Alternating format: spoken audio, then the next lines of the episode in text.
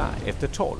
Ja, då var det fredag igen och eh, dags för ännu ett avsnitt av Fredag efter 12. Det här är Johan och med mig har jag Rickard självklart. Och idag ska vi prata lite positivare saker, eller hur Rickard? Ja, vi ska försöka i alla fall. Vi tänkte, ja, det är ju eh, svårt att hitta positiva ämnen i dessa tider. Men eh, man brukar säga så här att inget ont som inte för något gott med sig. Nej, precis. Så vi tänkte väl försöka fokusera på vad eh, som kan komma ut av den här coronakrisen. Vad kan hända efteråt och eh, hur det eventuellt kan påverka både människor och företag ur i första hand då positiv bemärkelse. Ja, jag har suttit under eh, de här veckorna som har varit i egenskap bland annat då som ordförande i Företagen i Örebro. Som jag sagt någon gång förut så har jag haft väldigt mycket samtal med företag. Och eh, förutom allt det här tunga, att man får eh, permittera och det är vikande intäkter och så vidare. Så när man pratar lite grann så har det varit även en del saker som kommer upp som är positivt. Men det är lätt att man glömmer de där sakerna tycker jag. Några av de sakerna har varit att eh, ja, man tvingas ur sina gamla hjulspår. Man eh, tvingas granska sin verksamhet. Ofta handlar det självklart om att eh, kostnadsbespara, skära lite granna. Och när man har varit i liksom dagliga verksamheten och tuggar på som vanligt så kanske man inte kollar på de där sakerna lika mycket. Och nu måste man liksom börja gräva i alla kostnader, titta på varför gör vi det här och ställa saker på ända och vrida och vända. Och då helt plötsligt hittar man saker som kanske verkligen går att förbättra och som egentligen inte skapar någon riktigt värde och nytta i företaget. Ja, den är ju, det tror jag nästan alla företag har gjort redan innan man eh, började se intäktsfallet, intäktsbortfallet, det eventuella som man har. Eh, just för att det slog så himla stopp på en gång. Det blev mm. verkligen tvärnit. Och det är väl bra på sätt och vis att man får eh, reflektera lite grann över kostnadsbilden och vad är det som kostar pengar i företaget. Man kanske granskar det lite tydligare som du sa. Så att, Tid för reflektion både som eh, företagare och som, och som privatperson. Det är väl en sak som kommer av det här tänker jag. Ja, jag brukar, det är ett uttryck som jag alltid brukar tänka på när de här delarna kommer. Det är, eh, jag brukar tänka på vad som är nice to have och, och need to have. Mm. Eh, och ibland så, så drar man på sig ganska mycket, både privat och eh, som företag, som är nice to have. Man har massa saker. Det är både Eh, som, en, som, en, ny motorcykel typ Johan? ja, nej, det är need to have. Det är need to have. Det är need to have. Ja. Om ens eh, son ska ta MC-körkort, då måste ju han ha någon som övningskör och eh, lagen säger att man inte får övningsköra med bil bakom. Då blir det need to have. Då kan vi lämna det ämnet. Det är sant. Så ska en son eller dotter ta MC-körkort, då är en motorcykel för pappa eller mamma en need to have. Självklart. Bra, då har vi löst den. Men andra saker som kan vara nice to have, det är ett... Eh, jag pratade med företagare häromdagen som har vuxit väldigt mycket i, i omsättning. Mm. Eh, med både och personal och så vidare. Och nu när det självklart det har slagit lite stopp i maskin från olika håll så behöver man titta lite grann. Och då tittar man på självklart vad som, som skapar intäkt och inte bara kanske liksom plus minus noll utan vad som skapar TB på sista raden och ska täcka delar. Och det är lätt ibland när man, när man växer att man när man har liksom sina eh, man säga, grundkostnader täckta. Att, att man tar på sig mer eh, uppdrag och mer saker som egentligen bara blir kostnadstäckning. Eh, på personal. Och det man egentligen gör också i det här fallet som vi pratade om då var ju att det man har byggt upp är ju till exempel väldigt mycket personal som, som inte ger ett överskott utan täcker sig själva och, och där också sen blir det egentligen en har byggt upp en stor risk. Skapar omsättning men ingen TB. Precis. Eh, och, eh, och det är också någonting som man kanske inte har tänkt på när det tågar på i vanliga ljusspår och man växer och mm. växer. Men helt plötsligt när, när den här goda tiderna börjar skakas om och förändras så, så blir man helt plötsligt medveten. Ja, jag tänker att det där är ju säkert på både som privatperson och som företagare just det här med att jobba jag med, jobbar jag med rätt sak? Gör vi rätt saker? Mm. Och ur företagets perspektiv så är väl det ganska viktigt att kolla på. Tar vi in rätt projekt? Eh, har vi rätt kunder? Är våra, vilka kunder har vi som är lönsamma? Vilka kunder är inte lönsamma? Och i slutändan kanske till och med vilka jobb vi gör och vilken, vilken personal har vi som, är, som bidrar till verksamheten och närande och tärande personal helt enkelt.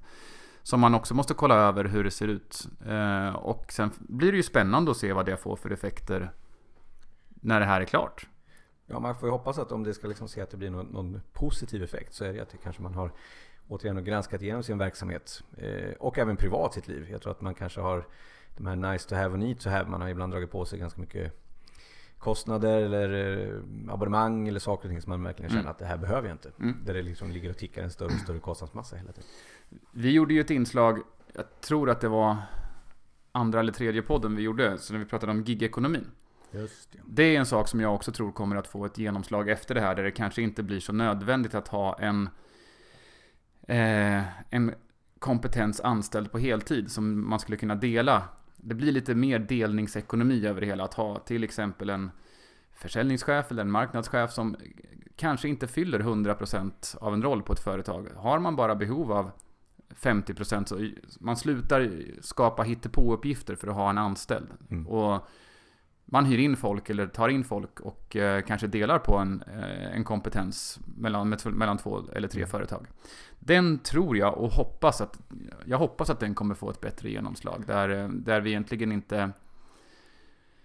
Det blir bättre, bättre för fler företag och det förhoppningsvis påverkar det inte den total, det totala behovet av arbetskraft. Jag tror, också, jag tror att effektiviteten också kommer öka. Därför att eh, Just när man tittar på att man behöver ha en viss, viss funktion eller viss tjänst mm. och bara som du sa där, ta in på den tid man behöver. Mm. Eh, så kan man istället också, då får man mer pengar och tid, möjlighet att skapa och lägga på andra saker man behöver. Mm. Eh, men då, och då ramlar vi ju direkt in på en annan aspekt i det hela och det är just det här med tid. Mm. Eftersom vi normalt sett anställer folk med arbetstidsmåttet 40 timmar i veckan eller liknande beroende på eventuell arbetstidsförkortning. Men tid är ju ett ganska värdelöst mått på prestation.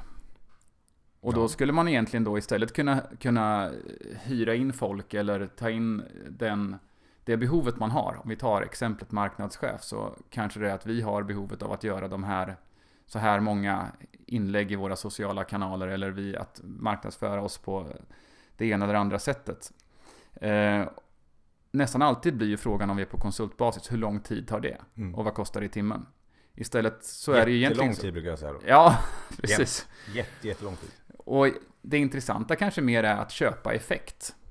Köpa resultatet, en genomförd uppgift. Mm. Och ja, eh, inte, då menar jag inte att man ska betala på, på någon provisionsbasis så, utan för det tror jag liksom inte, ingen vill jobba gratis. Men, men däremot, eh, vi har en idé, vi vill göra det på det här sättet. Men det blir mer som ett projekt. Ja, precis. Man, ta, man tar in då, det kan vara ganska långsiktiga delar mm. ändå. Men eh, man får lära sig att betala för andra saker än tid framöver tror jag. Ja, och det kan man ju koppla över till någonting som jag tror kommer komma eh, som en positiv effekt av det här. Vi ska ju hålla det lite till möjligheter mm. och eh, i positivitet. Jag tror att den här just arbeta hemifrån mm. är en sån sak. Där eh, av flera aspekter men kommer få en helt ny, eh, vad ska man säga, morgon. en helt ny, ny... Eh, Ett nytt normalt. Ett nytt normalt, precis. En sak som jag vet många tycker är problem med att man har anställda som jobbar hemifrån eh, är just den här delen med att effektivitet, att få mm. saker gjort. Liksom, för man sitter där och gör grejer. Eh, men jag tror att om man bara tänker om och tänker lite nytt så, så kan man ju liksom jobba med mer i projektform. Att det är det här du ska genomföra. Att man lägger upp arbetet för alla på företaget på lite annat sätt. Mm. går bort mer från tid utan tittar på vad är min roll och vad är det jag ska göra och vad är jag bra på vad jag, vad jag presterar och skapar. Så, så kan man genomföra det och då kan man också skapa mycket mer frihet för människor. För, mm. för den som vill vara riktigt effektiv och då utkristalliseras det här på ett helt annat sätt. Så då kan man ju vara mer fri vart man vill jobba och när man vill jobba. Och, och eh, den här delen med att ha gemenskap har vi ju märkt nu på nätet. Det verkar inte vara så svårt att ha fika. Via Nej, det går ju. Det går ju fika och AV och allt möjligt på, på nätet. Men det som ju, en effekt av det tror jag också blir att om man jobbar mer hemma och är mindre på kontoret så tror jag för de flesta så störs man nog mindre. Mm. Och då kommer man ju också att kunna jobba lite effektivare, vilket förhoppningsvis då gör att man inte behöver li lägga lika många timmar per arbetsdag på att faktiskt utföra uppgifter. Nej. Och då är vi återigen där, att vi kanske inte gör de här åtta timmarna om dagen, utan vi kanske kan göra jobbet på sex timmar om dagen, om vi är, eller fem timmar om dagen. Ja. Och den tiden som vi nu Eh, lägger på jobbet som kanske går bort i rent... det, går inte att, det är svårt att mäta, men där den bara försvinner ut i tomma intet och vi har svårt att sätta fingret på vad vi har gjort. Om man lägger den tiden på att istället umgås med sina barn eller sin familj eller göra andra saker som är eh, roligt och viktigt i livet så får ju det här en otroligt positiv effekt. Men utan någon, typ, någon påverkan på resultatet. Ja, ja det kanske blir mentalt. Man pratar mycket om det här med problematiken med stress och mentala hälsa ja. som, som eh, faller. Det här kanske kan vara en av nycklarna som, som kan hjälpa till att låsa upp den. Förhoppningsvis är ju det en möjlighet att det blir så. Och det har man ju också, jag tror att det visar sig också väldigt tydligt nu. Jag, jag pratar med ett par goda vänner som har, vän, goda vänner som har eh, barn i gymnasieåldern. Eh, mina barn är inte riktigt där än, alldeles strax.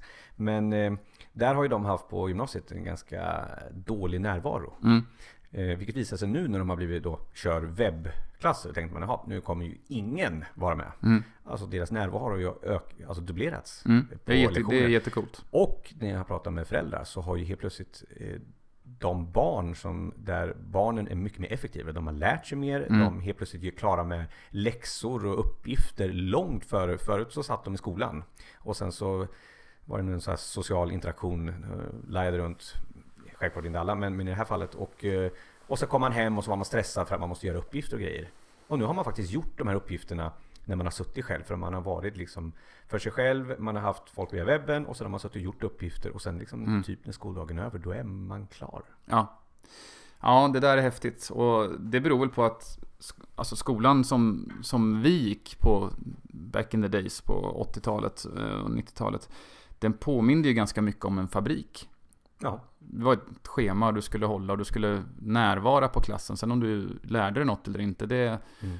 det testade vi av med ett prov. Och sen om du kunde det, lärde dig för livet eller för, för provet eller tentan, det hade man inte så bra koll på. Eh, så det är väl jättepositivt om det får ökad närvaro och bättre inlärning och i slutändan förhoppningsvis att man också kan ta den här kunskapen som man tillgodogör sig och göra den till kompetens och någonting som mm. sitter kvar och som man kan förvalta. För någonstans så ska vi ju ändå förhoppningsvis göra barnen till goda samhällsmedborgare. Mm. På sikt. Ja, det är intressant att Corona då kanske gör dem till bättre. Så, nej. Men ja, men att det kan hjälpa till att hitta nya vägar i alla fall. Där vi, där vi kan ifrågasätta det gamla systemet och se om det finns ett bättre sätt. Precis, och det är, är någonting så här som man blir påmind om i just sådana här tider. Att eh, när man nu tvingas ur sina normala gängor och, och eh, måste börja göra saker på nya sätt att man får en helt annan utvecklingskurva. Man måste göra saker. Helt plötsligt så de där eh, webbmötena som man, ja, man tog när det inte fanns något annat alternativ. Eh, de får man göra liksom rakt över och helt plötsligt märker man att det finns möjligheter istället i de här sakerna. Mm.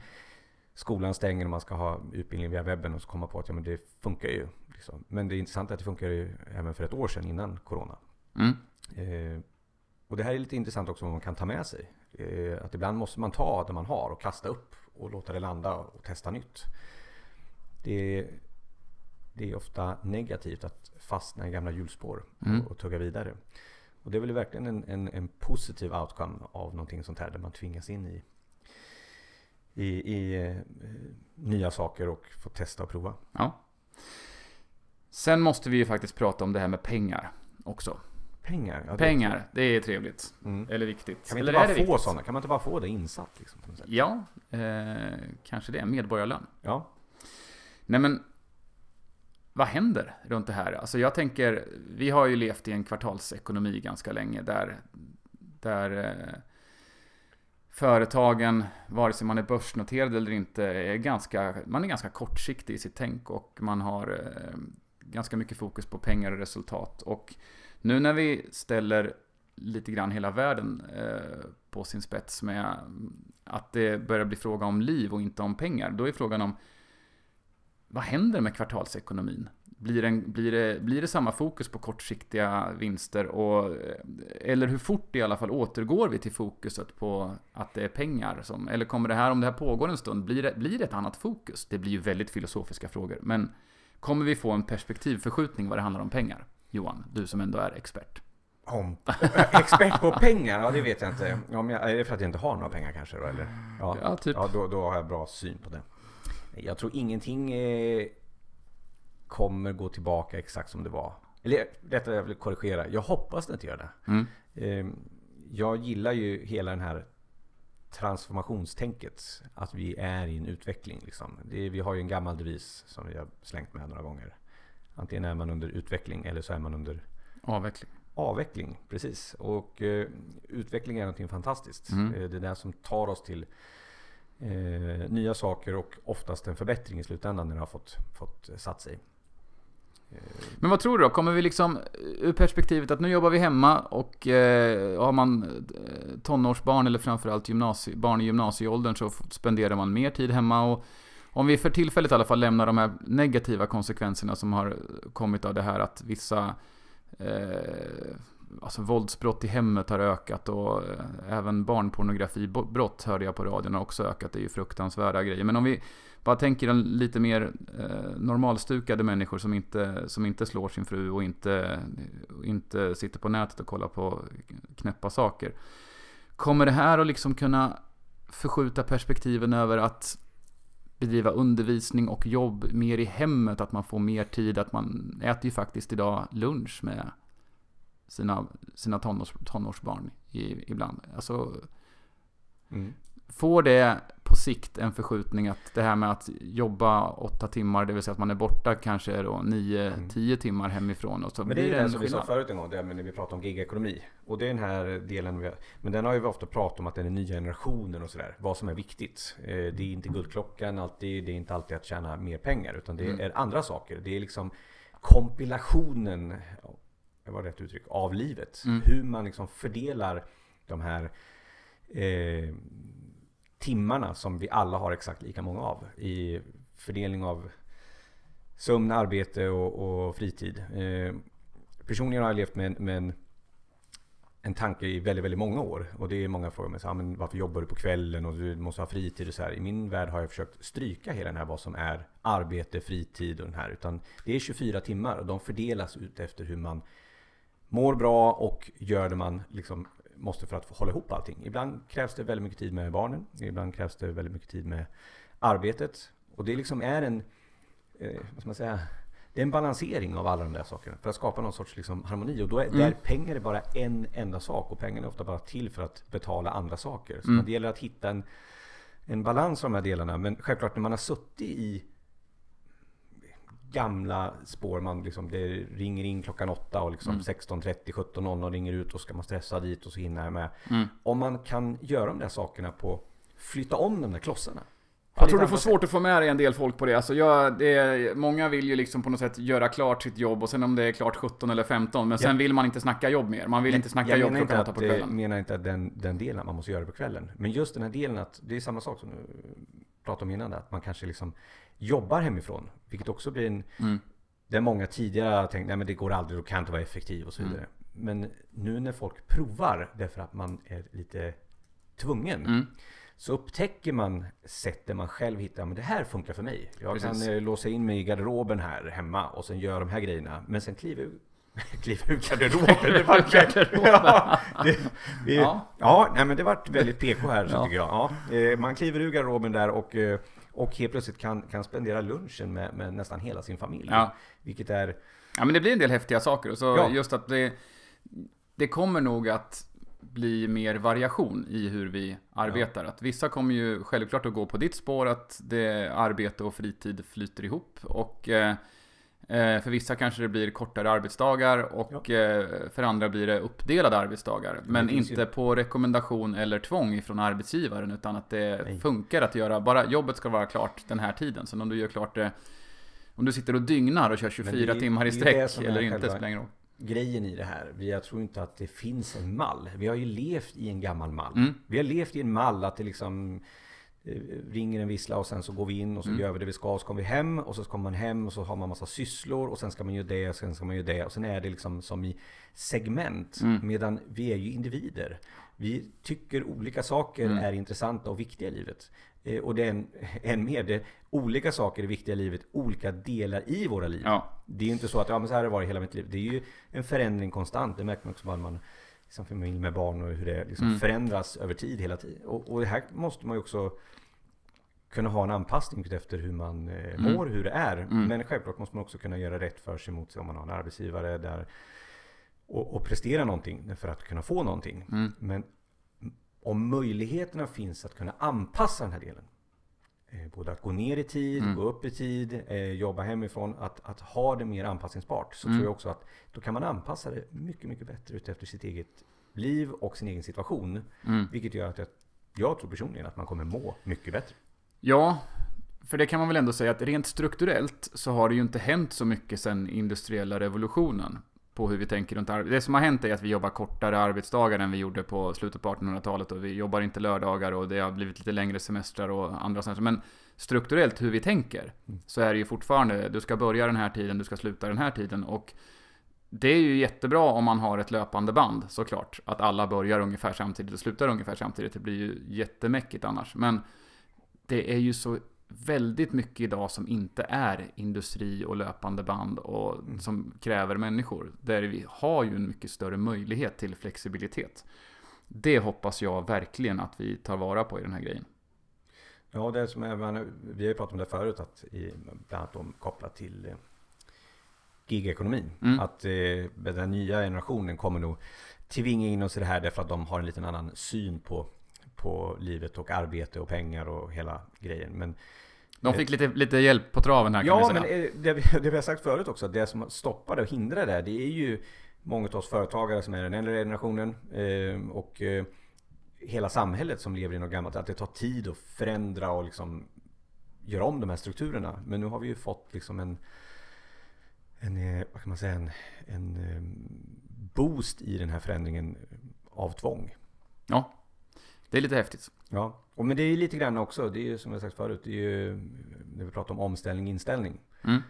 Det är ju både själva den här omställningen som då är jä- jättestor, men det är ju också inställningen till hur man tittar på den. Att antingen så, så ser man det negativa, och det är ju självklart mycket negativt, men, eh, och tråkiga saker som händer. Men det finns ju också möjligheter i de bitarna. Och ta till sig dem är ju, för att kunna göra det tror jag är just den här inställningen.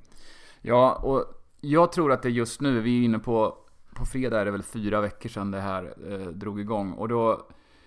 Eh, nej men det, det, det är svårt för många att se den exakt, alltså vad kommer att hända, vad blir det för möjligheter? Men jag tror att det gäller att ha ett mindset där man försöker tänka och tro på att det faktiskt kommer ut någonting bra av det här. Mm. Eh, sen exakt vad det blir, det, det vet man ju inte. Men du Johan, vi har ju pratat Instagram-effekt ganska många gånger sådär. Mm. Kommer Instagram att gå i konkurs nu då? Det blir ju inga resor till Thailand nu på länge. Så hur, hur, hur, vad, Nej men nu blir det ju andra saker, har du sett. Nu läggs det upp liksom, nu lägger man inte upp bilder längre på när man är på fötterna vid någon solstol. Utan nu lägger man upp eh, bilder när man håller en kaffekopp. Och sen i bakgrunden ser man en skärm med massor med Mm. polare som man har som också dricker kaffe. Ja. Det är liksom så Instagram står kvar? digital AV. Ja, Ja. precis. Och det blir en Instagram-effekt. Och då tänker alla så här, aha, alla verkar ha såna här digitala AV men Mm. inte jag. Mm. Ja. Ja. Och så blir man, blir man lite lätt deprimerad av det. Så blir man deppig och Ja, och, stressad. så, och så börjar man messa folk så här, kan, vi, kan, vi ha en, kan vi ha digital AV vi också? Ja. Men så är det ingen som vill. Jag hoppas och tror att vi under en tid framåt kommer att få se mer bilder som handlar om eh, familj och familjeaktiviteter och att man gör, man gör saker tillsammans på ett annat sätt. Eh, enklare saker som inte handlar om att åka bort utan vara i skogen eller spela spel, göra vad som helst som är lite mer, Måste det vara brädspel? nej, ja. Digitaliseringen är farlig Johan, vi måste Ja, gå nej, tillbaka till brädspel. digitalisering. Usch! Ja. Nej, men oavsett vad det är, där man umgås på ett annat sätt och där vi inte behöver... Eh, det blir, jag, jag tycker att det är lite tråkigt om att man lever sitt liv 48 veckor om året för fyra veckors semester Mm. på sommaren. Där allting ska ske under semestertid och gärna när man inte är hemma. Så jag hoppas ju att vi får en effekt av att vi hittar en större samvaro och ett rikare liv. För livet pågår ju varje dag. ja. Det där är djupt. Ja, visst. Men det är vad jag hoppas. Jag säger Ja, inte att det tror, går, jag men jag tror det hoppas också. det. Det, och det, eh, men det kommer ju av också för att de här delarna självklart ska bli möjliga om man ska ta de här möjligheterna. Så Mm. är det ju en mängd eh, saker. Ett är det ju vår, liksom, vårt mindset, vår inställning. eh, Och jag tror också den här delen för att vi än så länge i alla fall eh, allt vi gör bara vårt leverne Mm. kostar pengar. Och det är därför egentligen vi jobbar. Vi jobbar ju för att leva. Om, jag tror att om alla fick en, en, en check så skulle inte många, det är inte så många som skulle springa till sitt befintliga jobb bara så här hej hopp varje morgon om man fick en... Ja, i alla fall skulle inte, i alla fall inte åtta väldigt timmar om dagen. Jag tror, jag tror Ja. många eh, känner ett eh, hyfsat behov av att göra någonting på dagtid och kanske gå till ett jobb och... Definitivt. Eh, men, men jag tror inte att man skulle lägga så mycket tid. Man kanske skulle göra något annat. Om, Ja, om, det om tror du har också. en check som kommer varje månad så, och du får, självklart vill du ju eh, vara aktiv och känna Mm. att man tillför något och så Ja. vidare. Men det är frågan om, skulle du göra det du gör? Jag tror att väldigt många skulle inte gå tillbaka till det. Nej, många skulle nog göra någonting annat. Så är det nog. Eh, Men, men eh, så att självklart arbete för att eh, förtjäna sitt uppehälle är ju Ja. någonting som kommer vara kvar. Men jag tror att en viktig del här det är ju att vi som arbetsgivare Nu har jag bara mig själv som anställd så det är lätt att förhandla med mig Mm. själv. Men det är ju att man tar till sig den här delen och hittar nya sätt. Alla de här Mm. sakerna på ja men ska folk jobba hemma? Men hur ska vi veta att de som arbetsgivare har man kanske ett annat synsätt. Liksom. Ja, men hur ska jag veta att de gör? De kommer säkert bara sitta och fika eller göra något annat. Precis. Men det handlar ju om också att, att eh, liksom öppna sin och titta på att det finns ju andra sätt att mäta än att någon sitter på sin stol och glor. Det är ju frågan är, det alltid det mest effektiva? Nu menar jag självklart inte att alla sitter bara på sin stol och glor, men du förstår vad jag menar. Man kan ju ha nya sätt att, att mäta och följa upp eller, Mm. eller kompilera jobbet i en sorts projekt eller någonting så att både den som jobbar känner att nu har man det finns en början och ett slut med Mm. saker man gör och att det är enkelt för arbetsgivare att känna att här blir det effektivitet. Och Ja, jag menar får- vissa sitter ju och poddar på arbetstid. Ja, det, Är det fast- okej? Ja, fast det kan man ju se som ett arbete. Det kan man se som ett arbete. Jag är ju korttidspermitterad så att, eh, Ja. så att jag gör ju det här på min korttidspermitteringsfritid. Ja. Ja, Vad så fint. Att, det- ja, så att det är just de här timmarna här nu som är... Nej men nya sätt att mäta Johan, jag tror det också är viktigt. Alltså, jag har ju länge sagt att tid inte är något bra sätt att mäta prestation. Och vad tror du då, du som ändå är mest tekniskt bevandrad av oss? Hur långt ifrån är vi? Är vi redan där? Går det bra att mäta saker mer i projektform än i tid och så vidare? Det tror jag definitivt. Alltså, Jag tror man får kasta upp sakerna lite grann. Och sen inte, det finns inga exakta svar. Det är, ibland vill man ha bra, hur ska det göras? Och så vill man ha ett Mm. direkt svar. Mm. Det, menar, nästan allting som har kommit fram som är bra är trial and error. Eh, sen om det är sant eller inte, men det är som historien om Edison, han skulle uppfinna glödlampan. Liksom. Eh, Det tog tusen gånger att hitta ett sätt. Mm. Eh, men då har han hittat 999 sätt det inte funkar. Och det är så det handlar lite grann om. Det, det finns inte alltid ett exakt svar på en gång. Men om vi aldrig provar, då kom, passerar vi alla de här 999 och då kommer vi aldrig hitta svaret. Vi måste ju börja någonstans att, att eh, förändra och testa. Mm. Och, och några varianter kommer inte funka och då får man göra om göra rätt. Mm. Liksom. Och det handlar ju liksom bara lite om genomförandekraft. Men gör vi ingenting, ja, men då är vi kvar där vi var. Mm. Men då kommer det då troligtvis att innebära att de eh, schemalagda aktiviteterna på, på jobbet kommer att ligga företrädesvis mellan, vi säger 9 och 3. För att några gillar att börja tidigt, några gillar att börja sent, men vi måste ändå, ibland måste vi ändå ha saker och ting där alla, där alla är med. Vare sig det är webbmöten eller riktiga möten eller att det är, om vi tar bort saker som produktion och sånt där Mm. man måste vara. Men ehm, Ja, stämpelklocka till exempel. Det här med att man har att man har flextid och att man får eh, man jobbar in tid och kan vara här. Det, det känns ju som att den grejen kommer ju att försvinna i det här. Ja. Om folk jobbar mer hemma, om folk har ansvar för att genomföra en uppgift så är det ju rätt ointressant om man gör den på, på fyra och en halv eller sex timmar. Mm. Ja men definitivt. Och självklart är det ju som sagt som du nämnde inte alla jobb. Det finns ju vissa yrken man måste faktiskt vara Ja, absolut, självklart. Men, det... Men, men eh, eh, ja definitivt. Och jag tror att den här delen, vi kommer komma dit. Eh, jag tror det är ett ämne vi inte har varit inne på riktigt. Men om man tittar på den digitala transformationen, Mm. hur den ser ut. Eh, allt från liksom eh, affärer där man går in och det är eh, utan personal. Man går in och så plockar man grejer och sen går man ut och så pip, pip och sen reggas det. Eh, och den här delen växer ju så det knakar runt om. Mm. Och det här förändrar ju också ett att eh, de här statiska, om vi nu kallar dem industrijobben, blir ju färre och färre. Eh, och det är ju den stora... Ja, i alla fall färre, det blir färre och färre människor. Ja, färre, färre, ja men Den, de jobben för, Ja. för oss Mm. människor. Och det är ju den stora delen som man pratar om i eh, globalt, bland annat jättestort på World Economic Forum, Forum eh, där man pratar om hur liksom, vad ska vi jobba med istället? Och jag tror att har man det gamla tänket, ja men här har vi tappat dem in, så vad ska vi liksom, vart ska vi placera de här människorna åtta timmar om dagen nu? Mm. Ja då får man jättesvårt för det finns inga sådana ersättningsjobb. Men det finns en mängd andra saker i allt från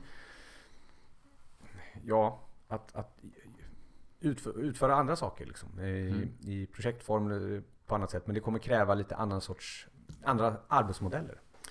Så lite tankar runt det där då. Om man tänker sig hur kommer det här påverka? Kommer vi behöva så stora kontor som vi har? Eh, kanske inte. Eh, mm. Däremot så tror jag fortfarande att behovet av att mötas i icke-coronatider kommer att finnas kvar. Alltså blir det för mig en logisk konsekvens att vi får fler sådana här work communities eller vad vi ska kalla det för. Mm. Där man eh, antingen hyr ett litet kontor eller kanske till och med bara du betalar en avgift för att ha tillgång till en, en arbetsstation. Och mm. du är inne någon, någon, eller några gånger i veckan och du har inte arbetskamrater. Det blir färre stora företag. Vi jobbar mm. mer på konsultbasis, mer enmans och fåmansfirmor och större flexibilitet och mer fokus på projekt snarare än på tid. Eh, mm. Är det? Ja, det tror jag definitivt. Eh, det blir inte så bra kanske för de som bygger eh, massa kontorslokaler. Nej, just jag tänkte precis på det. Fastighetsbranschen kommer ju kanske att behöva eh, tänka om lite grann. Ja, det tror jag definitivt. 400 kvadratmeter kontorsyta kanske inte blir riktigt lika nödvändigt för lika många företag. Nej.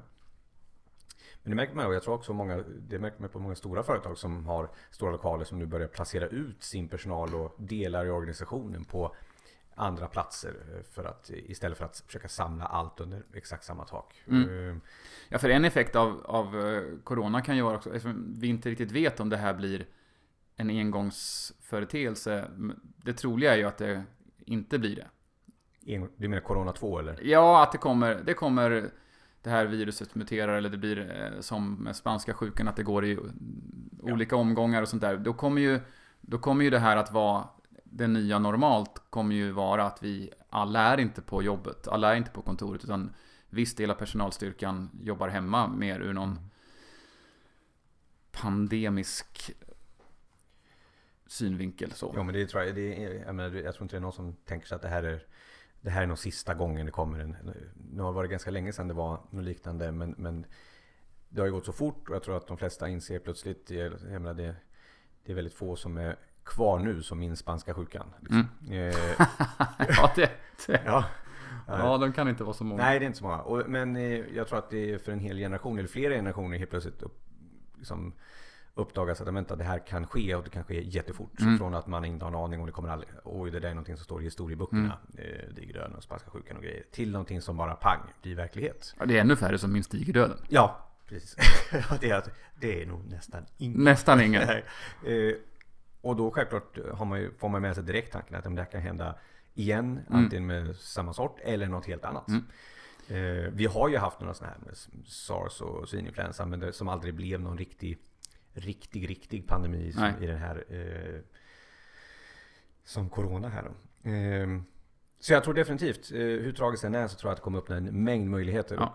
Men återigen, det kommer sitta i hur vi tar till oss de här delarna. Vad vi gör, för det kommer ju inte ske bara för Corona självt kommer inte förändra något. Utan eh, Nej, det blir alla häftiga affärsidéer som kan komma ut av det här. Där folk inser att det blir nya behov och eh, en an, ett annorlunda normalt helt mm. enkelt. Och ur det kommer det födas massor med möjligheter och bra affärsidéer och nya projekt och eh, nya behov. Mm. Som på något sätt ska tillgodoses. Och förhoppningsvis så kan det väl vara så att eh, de som drabbas hårdast av det här också är några av dem som säkert är väldigt duktiga entreprenörer kan ju hitta nya saker, en ny vardag. Och om man bara får den här tiden för reflektion så att inse att okej, okay, jag gjorde det här i några år, det funkade inte, vad kan jag göra framåt? Och att man då får en hyfsad balans och harmoni mellan arbete, fritid och att utföra viktiga uppgifter, både för sig själv och för, för andra. Jo, men jag tror det. Både för företagen som du sa, man kan ha att hitta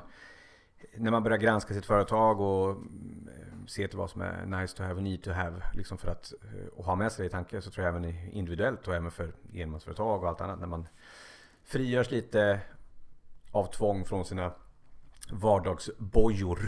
Mm. Det var ett fint ord.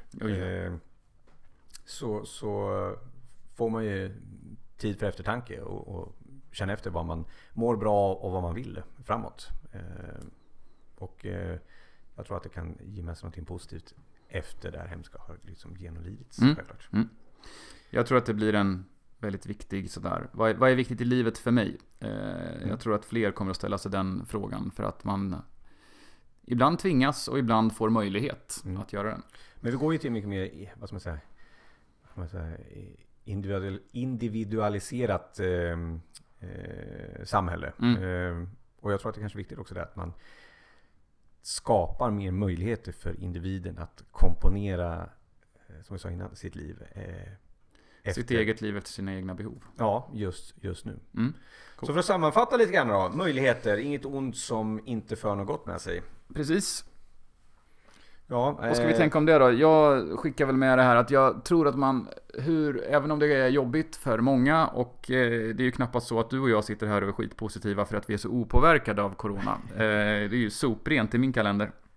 Men jag försöker att varje dag tänka att det kommer något bra ur det här. Att ha ett mindset.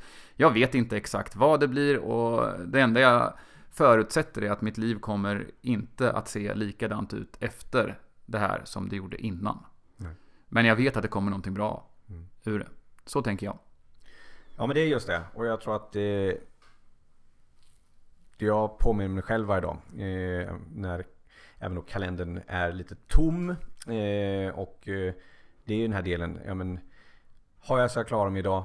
Har jag need to have just idag? Ja det har jag. Ja men då borde jag vara ganska glad efter en, att det är en tom kalender. Mm. Då har jag ju tid att podda. Eller jag har tid att eh, hänga med familjen. Om de nu är hemma. Eller göra något annat. Eller, Mm. I, i, I vanliga fall skulle man vara glad över att det finns en lucka för ofta springer man runt och tjej, har en stress och en press och känner att det är fullt ställ och man hinner knappt andas Mm. ibland. Eh, och nu har man ju tid för den delen så att så länge man har need to have eh, och det har vi ofta i det här landet. Eh, så, att, så att då kan ni skapa möjligheter istället. Mm. Ta tillvara på den delen. Idag är ju en dag. Oj, oj, oj, oj, oj. Den. Idag är en dag. Idag är en dag. Ja. Ja, det är sant. Eh, ja men ta vara lite på den. Vilken Det- sammanfattning Johan. Ja. Idag är en dag. Idag är en dag. Ja, Ja, jag tror det får eh, runda av innan vi tar Absolut. ut folk eh, helt och hållet. så gör vi. Stay positive. Ja, och sen önskar vi självklart eh, glad påsk. Ja, eh, långfredag och allt. Ja. Eh, trevlig fredag. Glad påsk. Glad påsk! Hej då. Fredag efter 12